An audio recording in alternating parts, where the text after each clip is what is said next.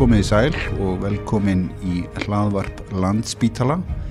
Við sitjum hérna Ásvaldur Kristjánsson og ég, Stefán Hrafn Hagalín hjá Samskiptadeild og ætlum að ræða um umhverfismál að þessu sinni. Hjá okkur situr Hulda Steingrímsdóttir, umhverfistjóri Landspítala.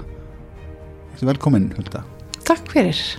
Svona áður við rúlum að stað að því að við ætlum að fara vítt og breytt um, um völlin segja okkur aðeins frá, frá sjálfur þér. Fyrir bara svona svolítið aftur og bakk mm. hver ertu og hvaðan ertu og hvað er þetta upp á Ísafyrði og fór í líffræði, máti ekki vera svona stort stök og læri líffræði Fæðist í Ísafyrði og fyrir bara byggt í líffræði. Já, þetta er mjög, sko, ég var mjög bráðger. Tök, Tökum þetta í aðeins fleiri skrifum Já, já, ég, ég, ég æsku bjóði í Danmörku og uppalinn í Árbænum og var í MH og, og ákvað mjög ung að fara í lífræði og um, svo þvældist ég út í umhverfsmála fljótt í lífræðinni og uh, þó ég hafi vunnið þess við gróðuransórni að þá fór ég strax að vinna með umhverfsmála svona næst ég eftir útskrift.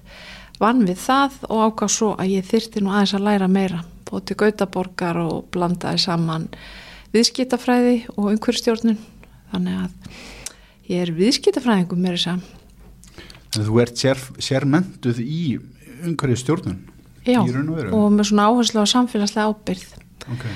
vann sér ráðgjafi í mörg ár og með alls konar fyrirtækjum og stopnunum og, og hérna sveitafélagum og það var vissulega mjög skemmtlegt að hérna kynast ólíku fólki og lausnum og, og svo leiðis en, en ég noti þess að vera komin hinga á landsbytalan þess að ég er búin að vera í fjögur ár að geta fyllt eftir verkefnum og, og bara með góðum stuðningi stjórnenda og svona þá hefur verið gaman að sjá hvað umhverfsmálunum hefur verið vel tekið. Nú er ég búin að vera að vinna í þeim í svona yfir 20 ára það er gaman að sjá breytingu á viðþorfi og áhuga fólks í að vinna að umhverfsmálum en þetta er þetta svo nátengt helsu líka umhverfsmálinn. Sífælt sterkari meðbyr, já það er skemmtilegt. Já.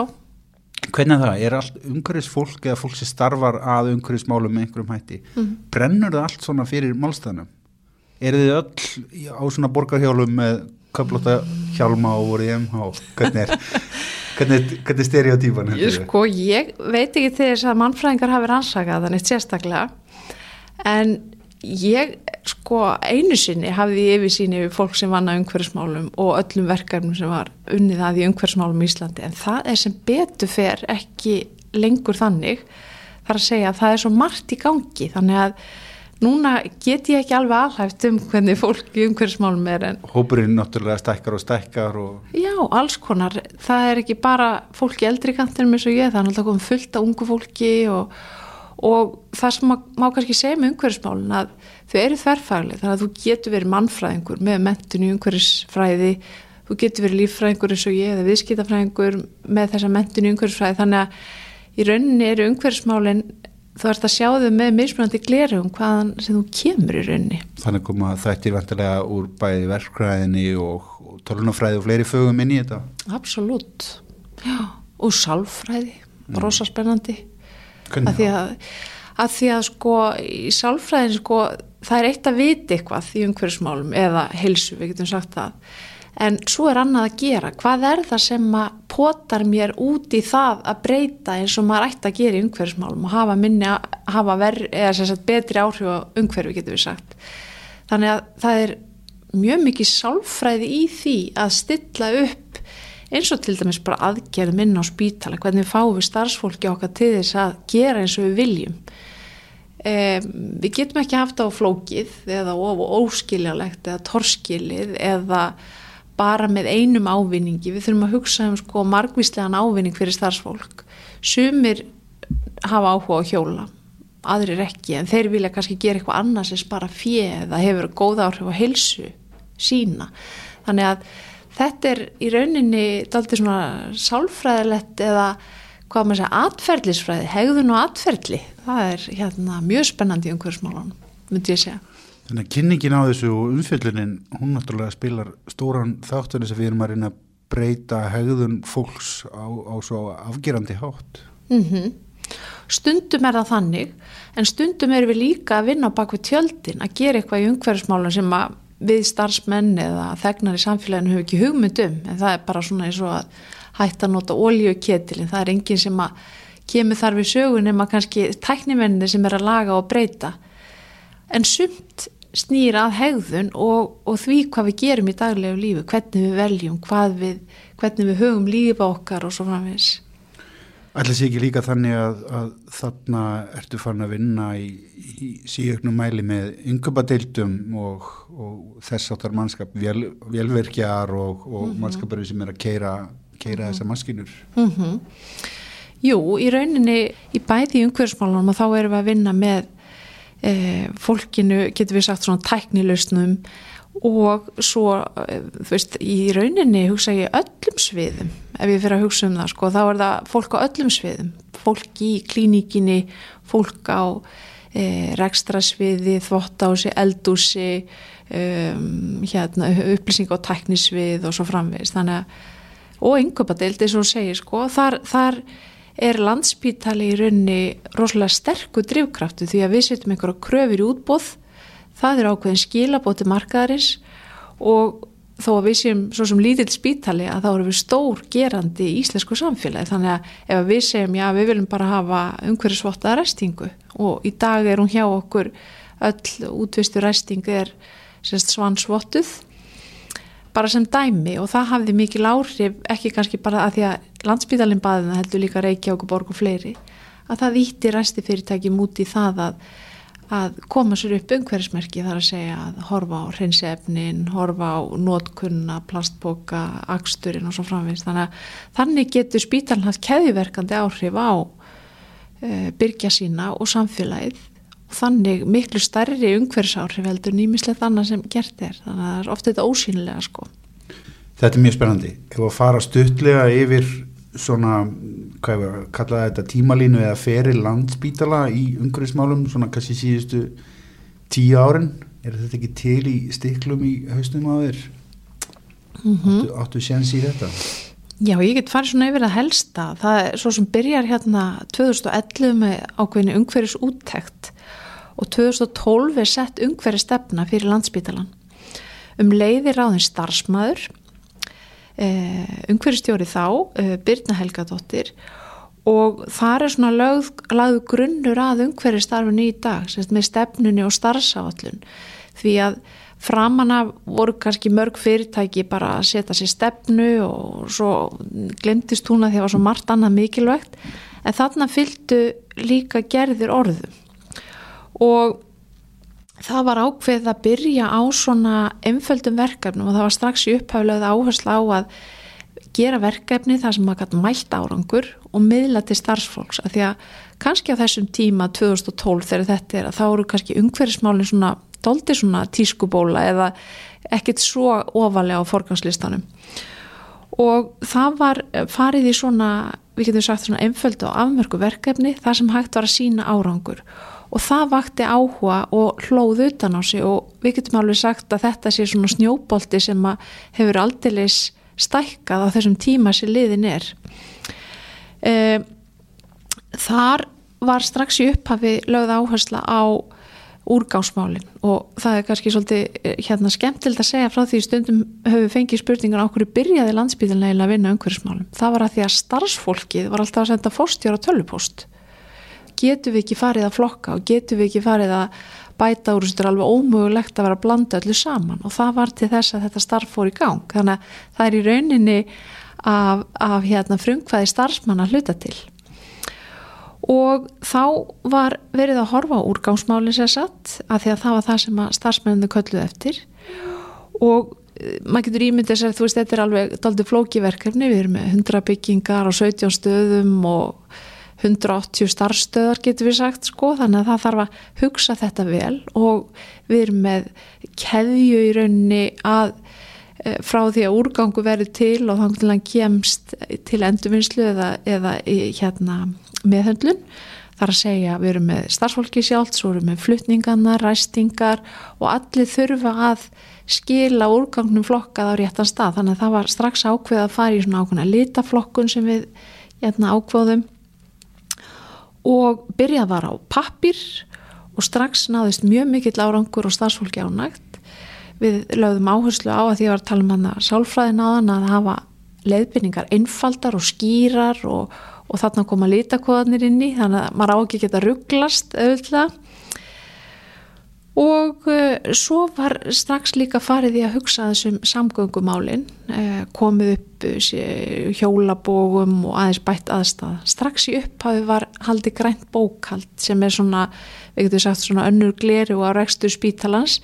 Ekki verið að horfa á krónutan endilega heldur magnið, hvað eru við eiginlega að nota? Og þetta er svona hlutur sem ég er mitt að vinna í í dag. Hvernig gekk nú 2018 fáum að heyra bráðum um það næstu vikum. Síðan var farið í svona alls konar tiltaktamáli eins og bara verkla um spillefn og efna meðhöllinu, þetta er bara lagakröfu sem við þurfum að uppfylla. Og þarna árið 2013 voru sett að fyrstu umhverjaskröðunar í útbúð að því vorum að tala um yngköpin þann og, og hérna svo er það 2014 og þá erum við að horfa líka á hluti eins og að minka innóta e, það var strax 2014 var ákveðið að fara í, fara í að fá svansvotu fyrir mötuneyti og hann að matsali landsbytala sem að laug 2015 en þá í þeirri vinnu komi ljós að við vorum að nota ógrunni af fröðbóksum, svona einnota mataríláti sem starfsmenn hérna sóttu sér. Og eitt leiðir að öðru þegar maður fer að grafa svona eh, fyrir um þessa hluti. Og það var til þess að við eh, keftum margnóta matabóks sem að starfsmenn geta keft sér og einmitt þessi matabók sem við þurftum að finna einhver starf út í heima því að þau voru ekki til hérna á landi eru eru núna komin í Háskóla Íslands, í stjórnaráðið og víða þannig að það er svolítið gaman hvernig uh, maður sé verkefni svona vaksa á dafna og spýra annar staðar, það er, getur verið ansið skemmtilegt. Nú 2014 að þá fóru við líka í samgöngáttak, það voru fyrstu samgöngusamningarnir sem að voru hérna sem að voru, var hleyft á Stokkonum voru 2014 og uh, samlega því var stórbætt aðstæða fyrir starfsfólk. Og það er nú svona dæmi verkefni sem að fylgir okkur um, daldið Jú að hingra aðeins eða staldra aðeins við samgöngusamninga. Hva, hvað er það? Samgöngusamningar eru uh, hérna í rauninni samkómalag sem að starfsmæðurinn gerir við sinni yfirmann eða, eða hérna vinnustaf og þar sem að skuldbyndu sér til þess að ferðast í ákveðnum ákveðnu hlutfalli til og frá vinnu með vistvænum og helsuvænum hætti, getur við sagt.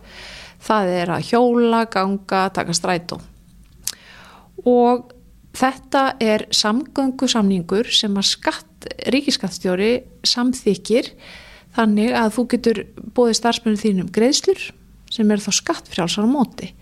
Þannig að þannig svona kemur smá umbun sem að skattstjórin e, gútirar getur við sagt og hvetur til vist og helsuvætni samganga við erum jú helbyrði stofnun og, og þannig vinnur þetta saman bæði umhverfs og helsumálun að virkja fólk til helsuvætni lífstíls líka Fjölgar þeim vinnustöðum ekki svo lítið hratt í aðtunulífinu sem bjóða starfsfólki einmitt upp á samningaðu þessu tægi?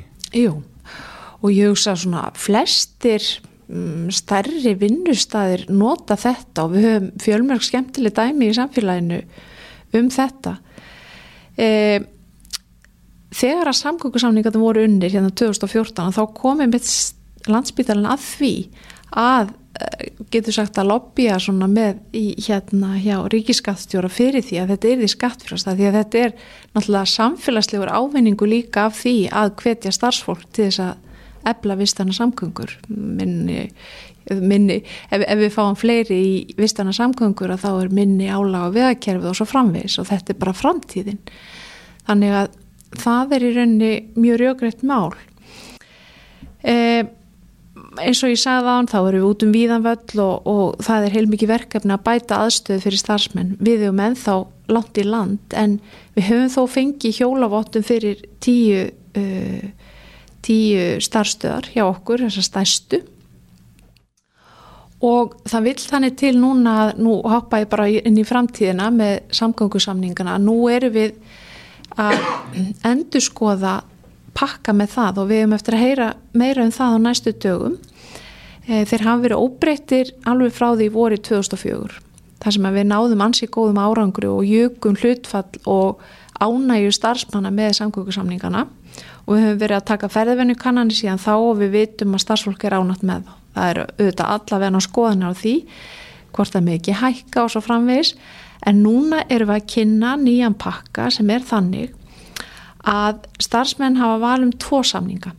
Það er annars vera skuldbinda sig úr að ferðast 80% tilvika með vist og helsuvænum hætti.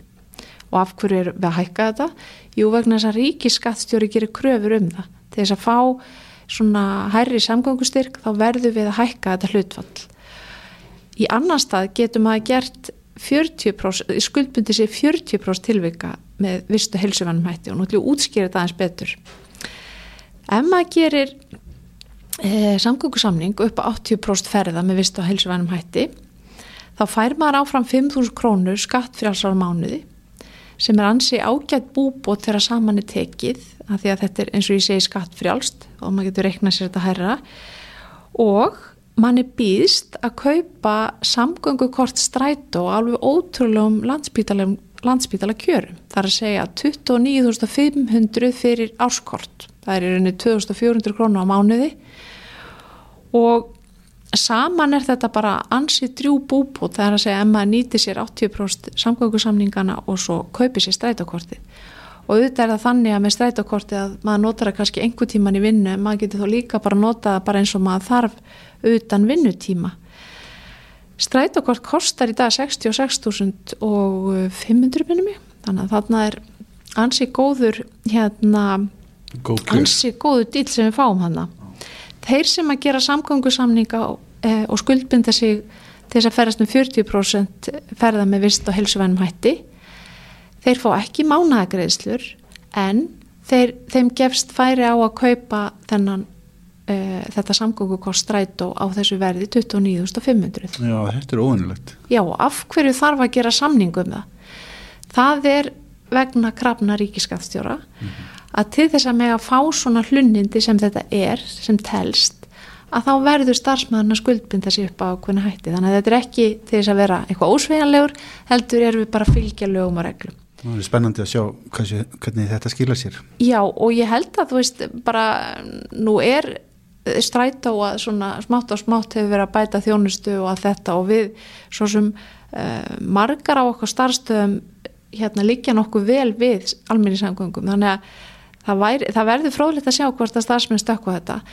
Annað sem bætist við í endurskóðan og samgöngusamningi, það er að það er aukinn þjónustat fyrir starfsmenn. Þannig að ef þú ferðast þann daginn með vist og helsuvænir samgöngum þá erum við með varnagla. Ef eitthvað óvænt kemur upp á veikindi, eitthvað alvarlegt þá máttu í samræði við því ef mann taka leigubil heim upp að ákveðinu, ákveðinu fjárhæð yfir árið ef þú ferðast með vistanum hætti þann daginn og þarf það eiga stefnumót sem þú ræður ekkit við segjum að það sé einhver læknisheimsókn og búin að býði þrjá mánu eða hvað nú er að þá getur þú nýtti deilibíl. Og eins og kannski sumi starfsmenn þekkja að þá, þá eru við með ákveðin díl við deilibíla hérna hjá landsbytalanum og starfsmenn þurfu ekki að borga meðlimagjald heldur bara tímagjald og þetta er svona eitthvað sem við sjáum svona smátt og smátt aukningu í. Og leigubílakostnaðin væri á, á kostnað vinnustæðarins fyrir, leigu... fyrir þessi neyðu tilvík? Hann er á kostnað eh, vinnustæðarins upp á 12 krónum ári fyrir starfsmann og deilibílatir upp á 10 krónum ári per starfsmann. Þannig að þannig er komin, komið, þannig er við að koma til mótsu starfsmenn og gera það auðveldar að þið geti nýtt sér eh, vist á helsuvæna samgangur.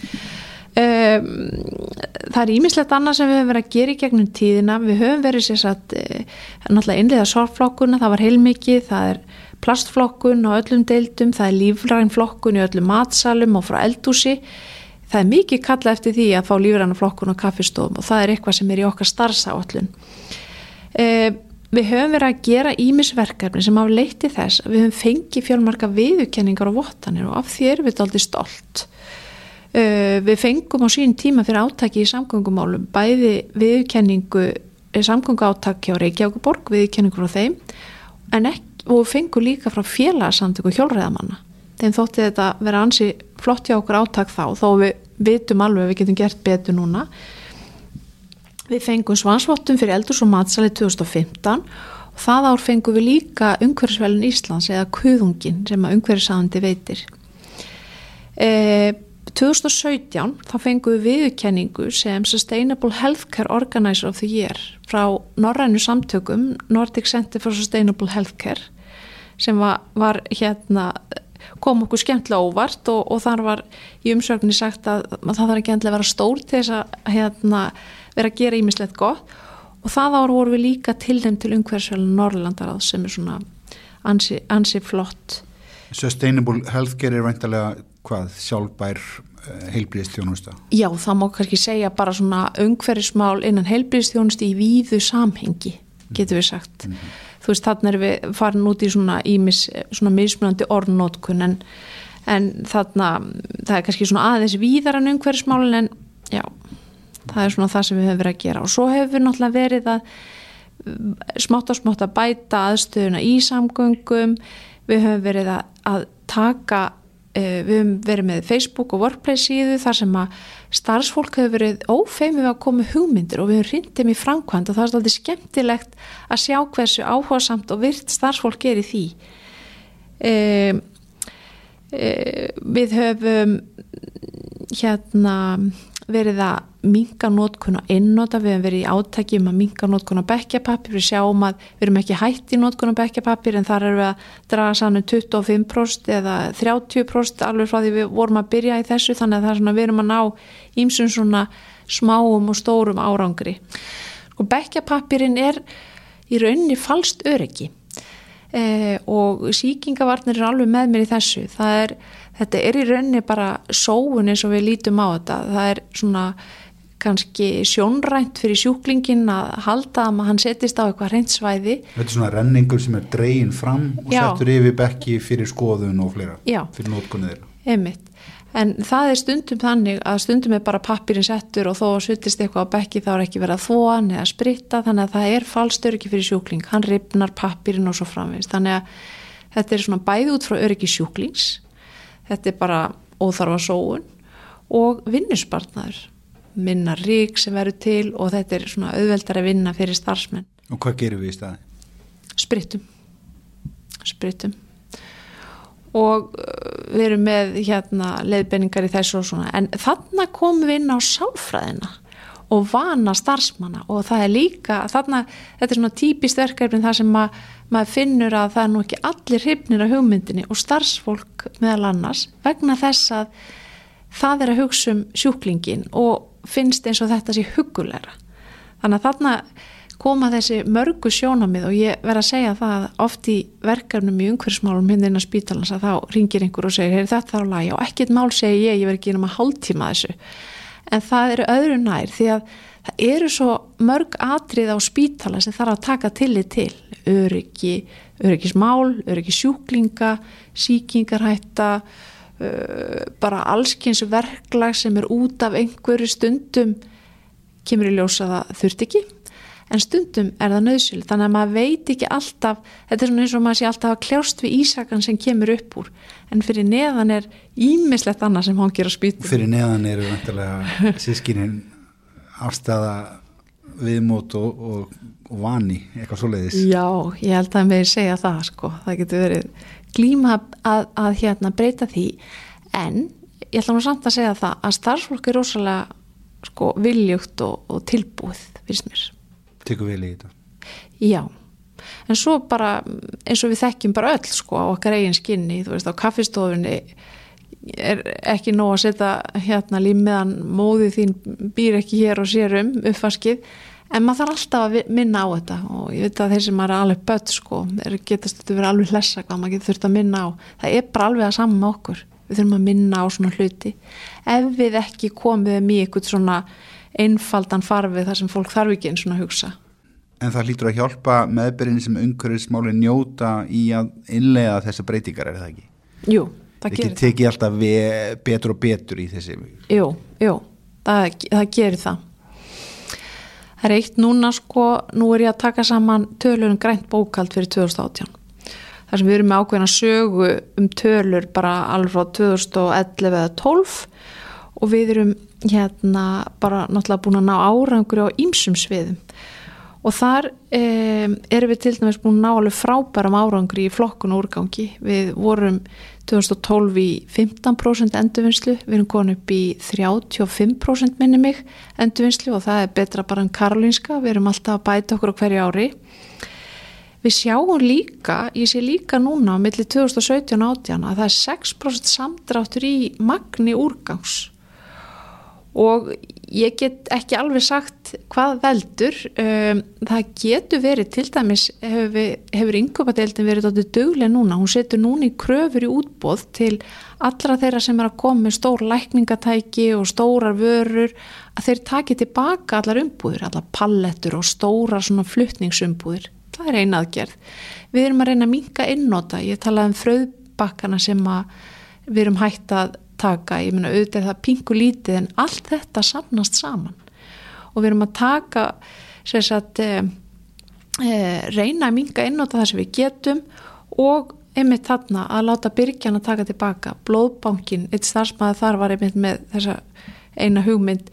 Þeir voru að fá fullt af vörum í frö, stórum fröðkausum viðkvæma vörum í kæligili og hann segir við erum að henda þessu, hvað getum við gert? Og við töluðum við byrkjana og nú er það þannig að byrgin tekur þetta tilbaka og notar, þetta er náttúrulega bara í rauninni bara góð vara sko, kæli, gel og fröðkassa þannig eru við með ímsan aðgerri sem er að draga úr þessu og það að minka úrgangum 6% er líka bara peningar.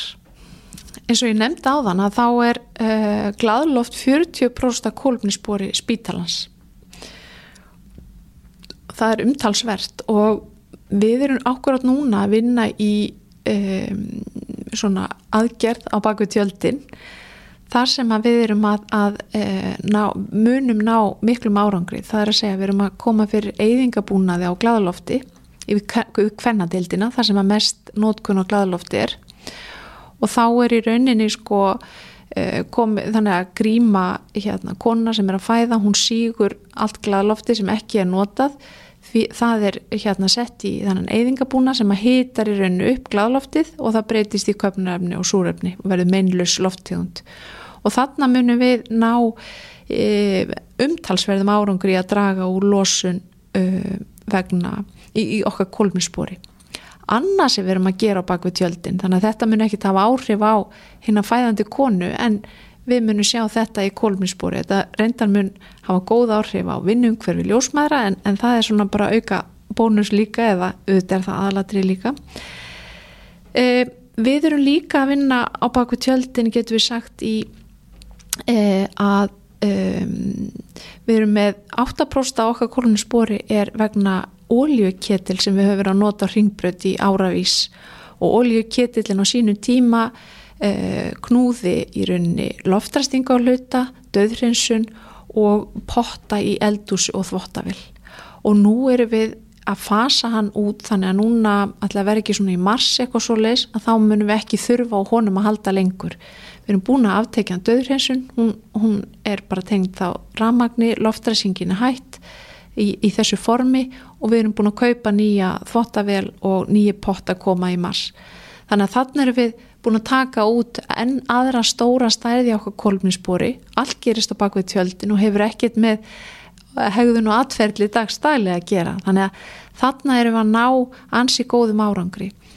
Og þetta er náttúrulega hluti af plani spítalan sem að setti sér 2016 lofslagsmarkmið eins og öll fyrirtæki og alla stofnuna ætti að vera að gera á Íslandi og við settum okkur mjög metnaðfull markmið um 40% samdrátt fram til, fram til 2020, þar að segja loka ást 2020 og með þessum tveimur aðgerðum og öðrum aðgerðum sem við erum að vinna að þá lítur út fyrir að við náum því.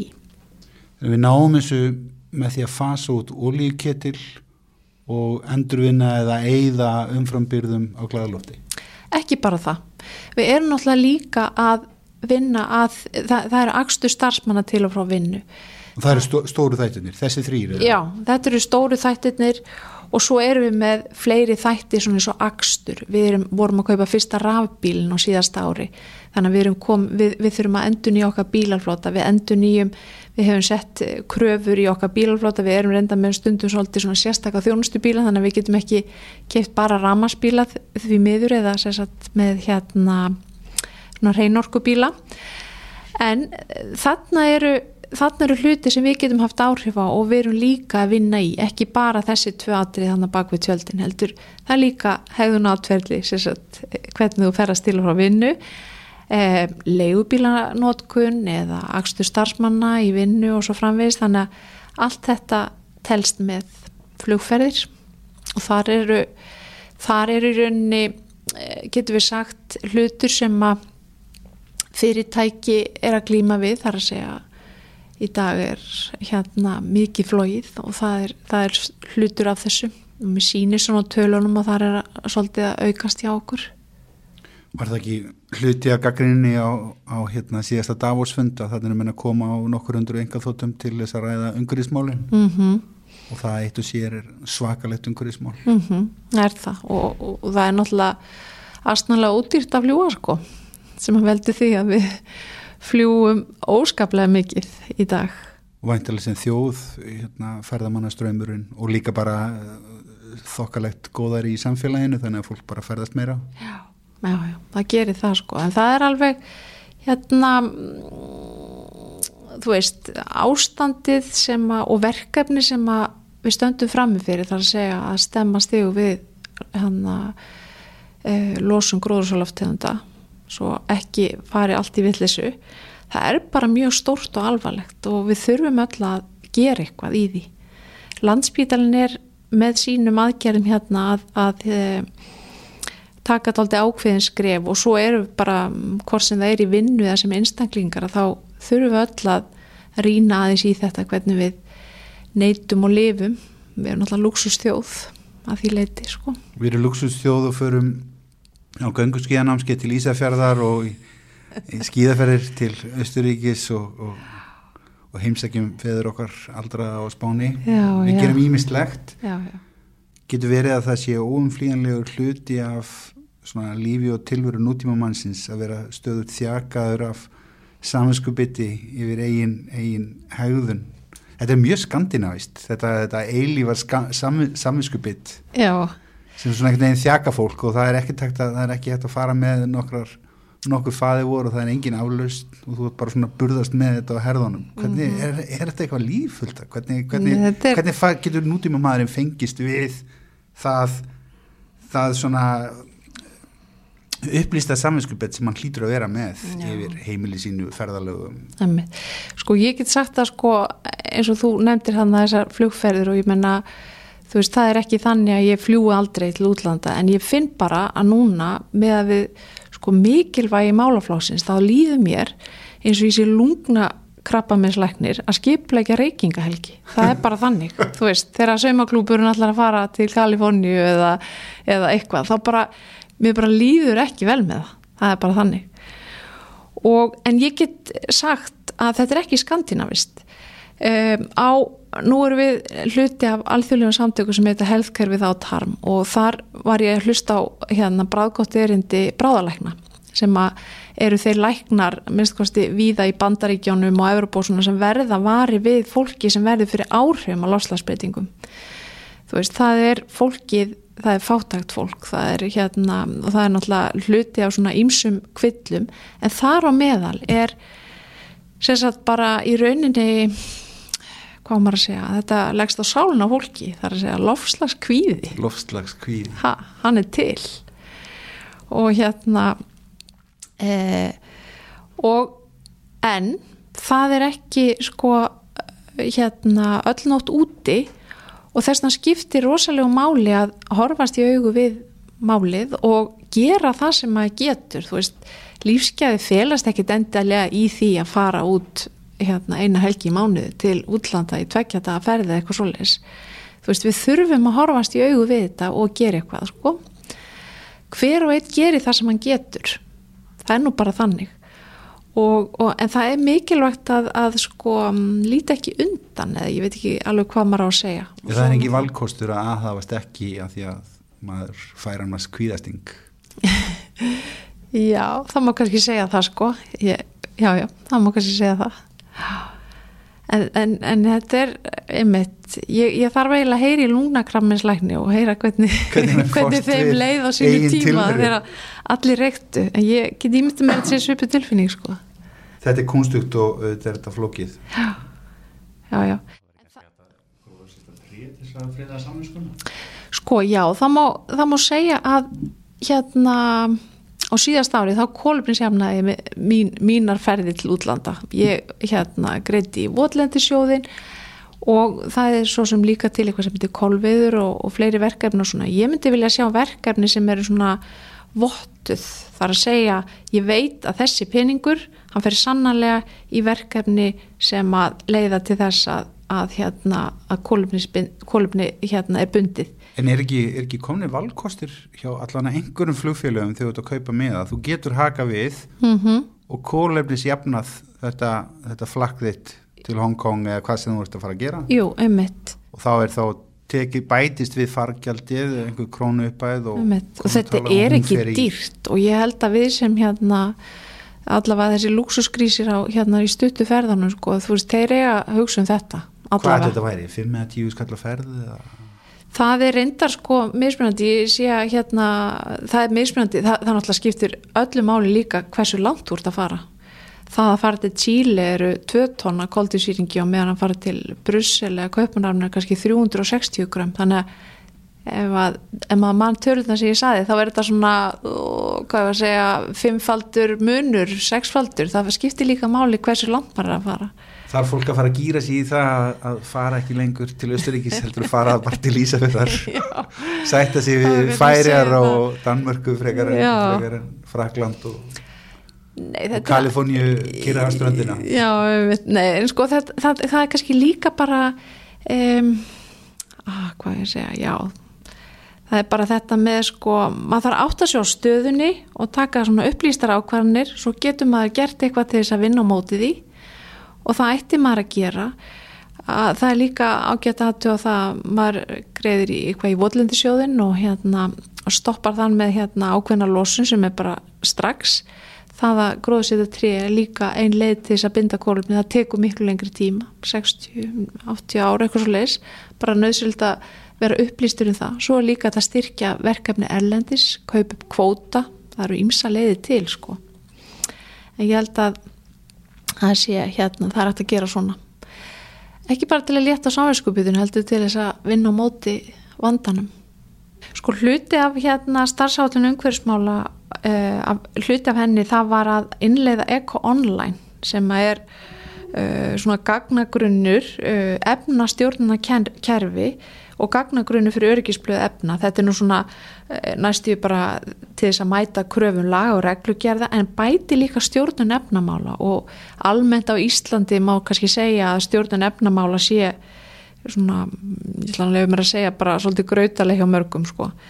Þannig að við erum að innleiða þennan gagnagrunn og erum að hafa bætta yfirsýn yfir öll efnamál hjá okkur.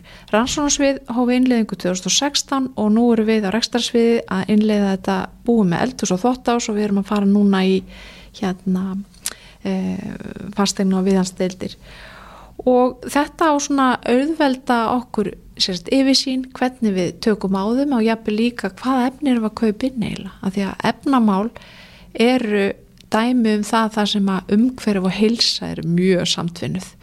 Veist, og eins og yngöpadildin hefur verið að gera alveg frábært starf hérna hjá okkur að setja kröfur í útbóð veist, ekki að kaupa vörur PFC eða DHP sem að geta verið hormontröflandi við hefur verið að náð ansi góðum árangur í til dæmis í vörum sem snúa nýpurum sem eru virkilega viðkvæmur hópur og, og ekki vill maður hafa mikið á hormonatröflandi efnum þar umkring þannig að þar eru við, við erum að setja fullt af svona kröfum í hjúgrunaförur sem eru í rauninni gerða til þess að fasa út efni sem hafa sannlega neikvað áhrif á hilsu okkar.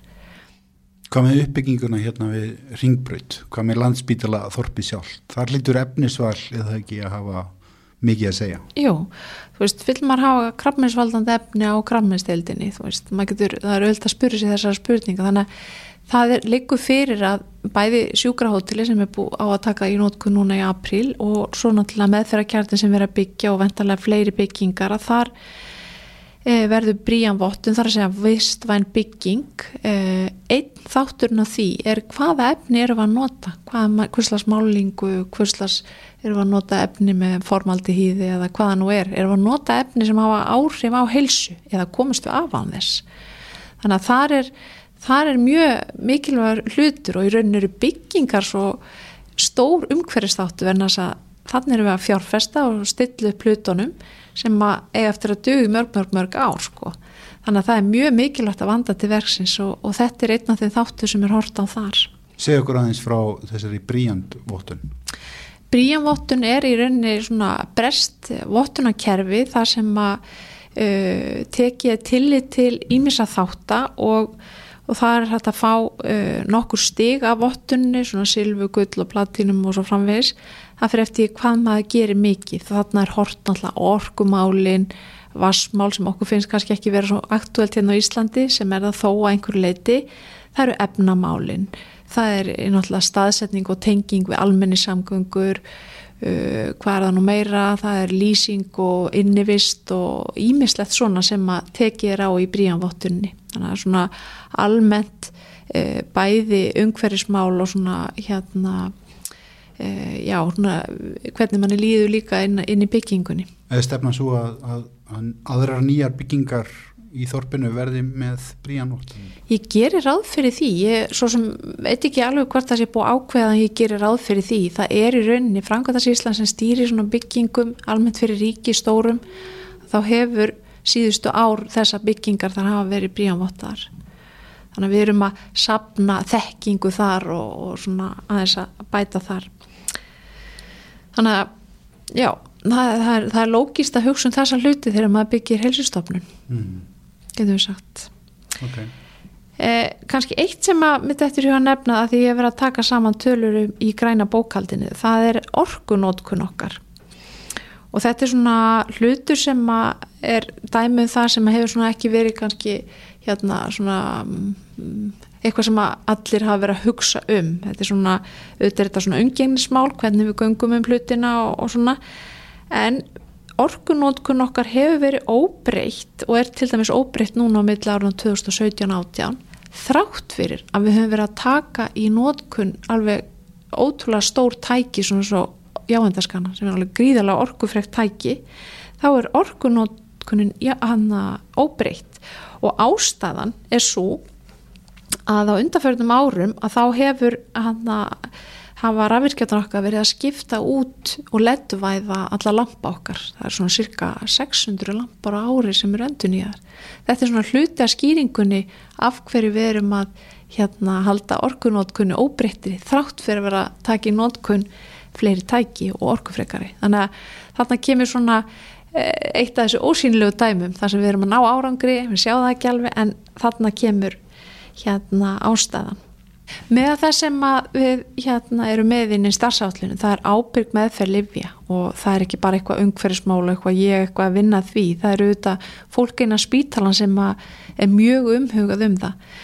Og hvað er eiginlega ábyrg meðferð livja? Það er að stöðla að sjálfbæri virðiskeðju livja, það sem, sem tryggir örgi sjúklingsauðuta, alltaf nummer eitt, en dregur líkur umhverfisáhrifu livja bæði við framleiðslu nótkun og förgun. Og náttúrulega livjabransin er gríðarlega stór og flest af þessu er framleitt í Indlandi, Kína eða viða um heim. Og eitt stærs, einn stærsta heilsufarsókn okkar er í rauninni ónæma bakterjur óabyrg nótkun síklarlefja eh, stuðlar að því.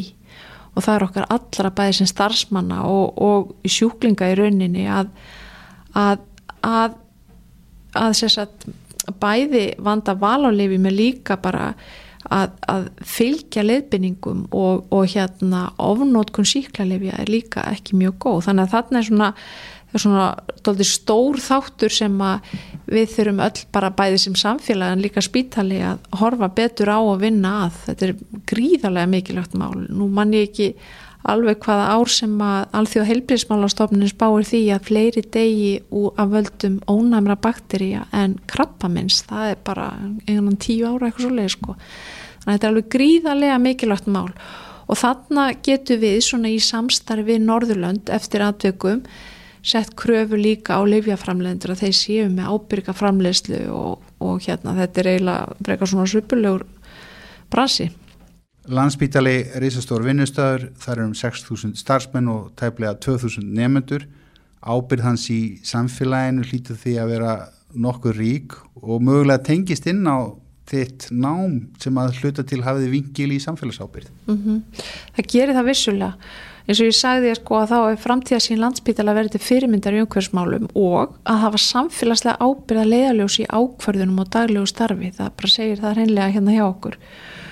Og við höfum tekið með af náttúrulega kannski svona rammin samfélagslega ramminu samfélagslega ábyrði í dag eru heimsmarkmið samnið þjóðana sem að allar stopnarnir og fyrirtæki ættu í raunin að vera að taka með af. Og þau markmið sem við horfum sérstaklega og nú kannski er ég með svona að því menginu samfélagsábyrð eru umhverjusmálund aldrei stór og það er þetta félagslega mál og efnagslega mál og allt fléttast það saman en við erum með fimm markmið, heimsmarkmið sem við tökum mið af. Og það er heilsa á vel, velíðan eðlilega. Og það er sjálfbær orka, ábyrð nistla og framleiðsla. Og aðgerðir í lofslagsmálum og samvinna um, hérna, og markmið 17 um samvinnu erlenda, erlend samstarf. Þannig að þetta eru svona þessi augljósu markmið sem við tökum miða við okkar samfélagsábyrð Við sitjum hérna Ásvaldur Kristjánsson og ég, Stefán Hrafn Haglin, erum báðir hjá samskiptadelt Landsbítala. Við höfum verið að ræða við Höldu Stengunni stóttur umhverfistjóra Landsbítala. Með Höldu stiklunum við á stóru í tímalínu umhverfismála á Landsbítalanum. Þau hafa verið að aukast í mikilvægi starfsmið Spítalans undan farin áratögu eða tæplega það.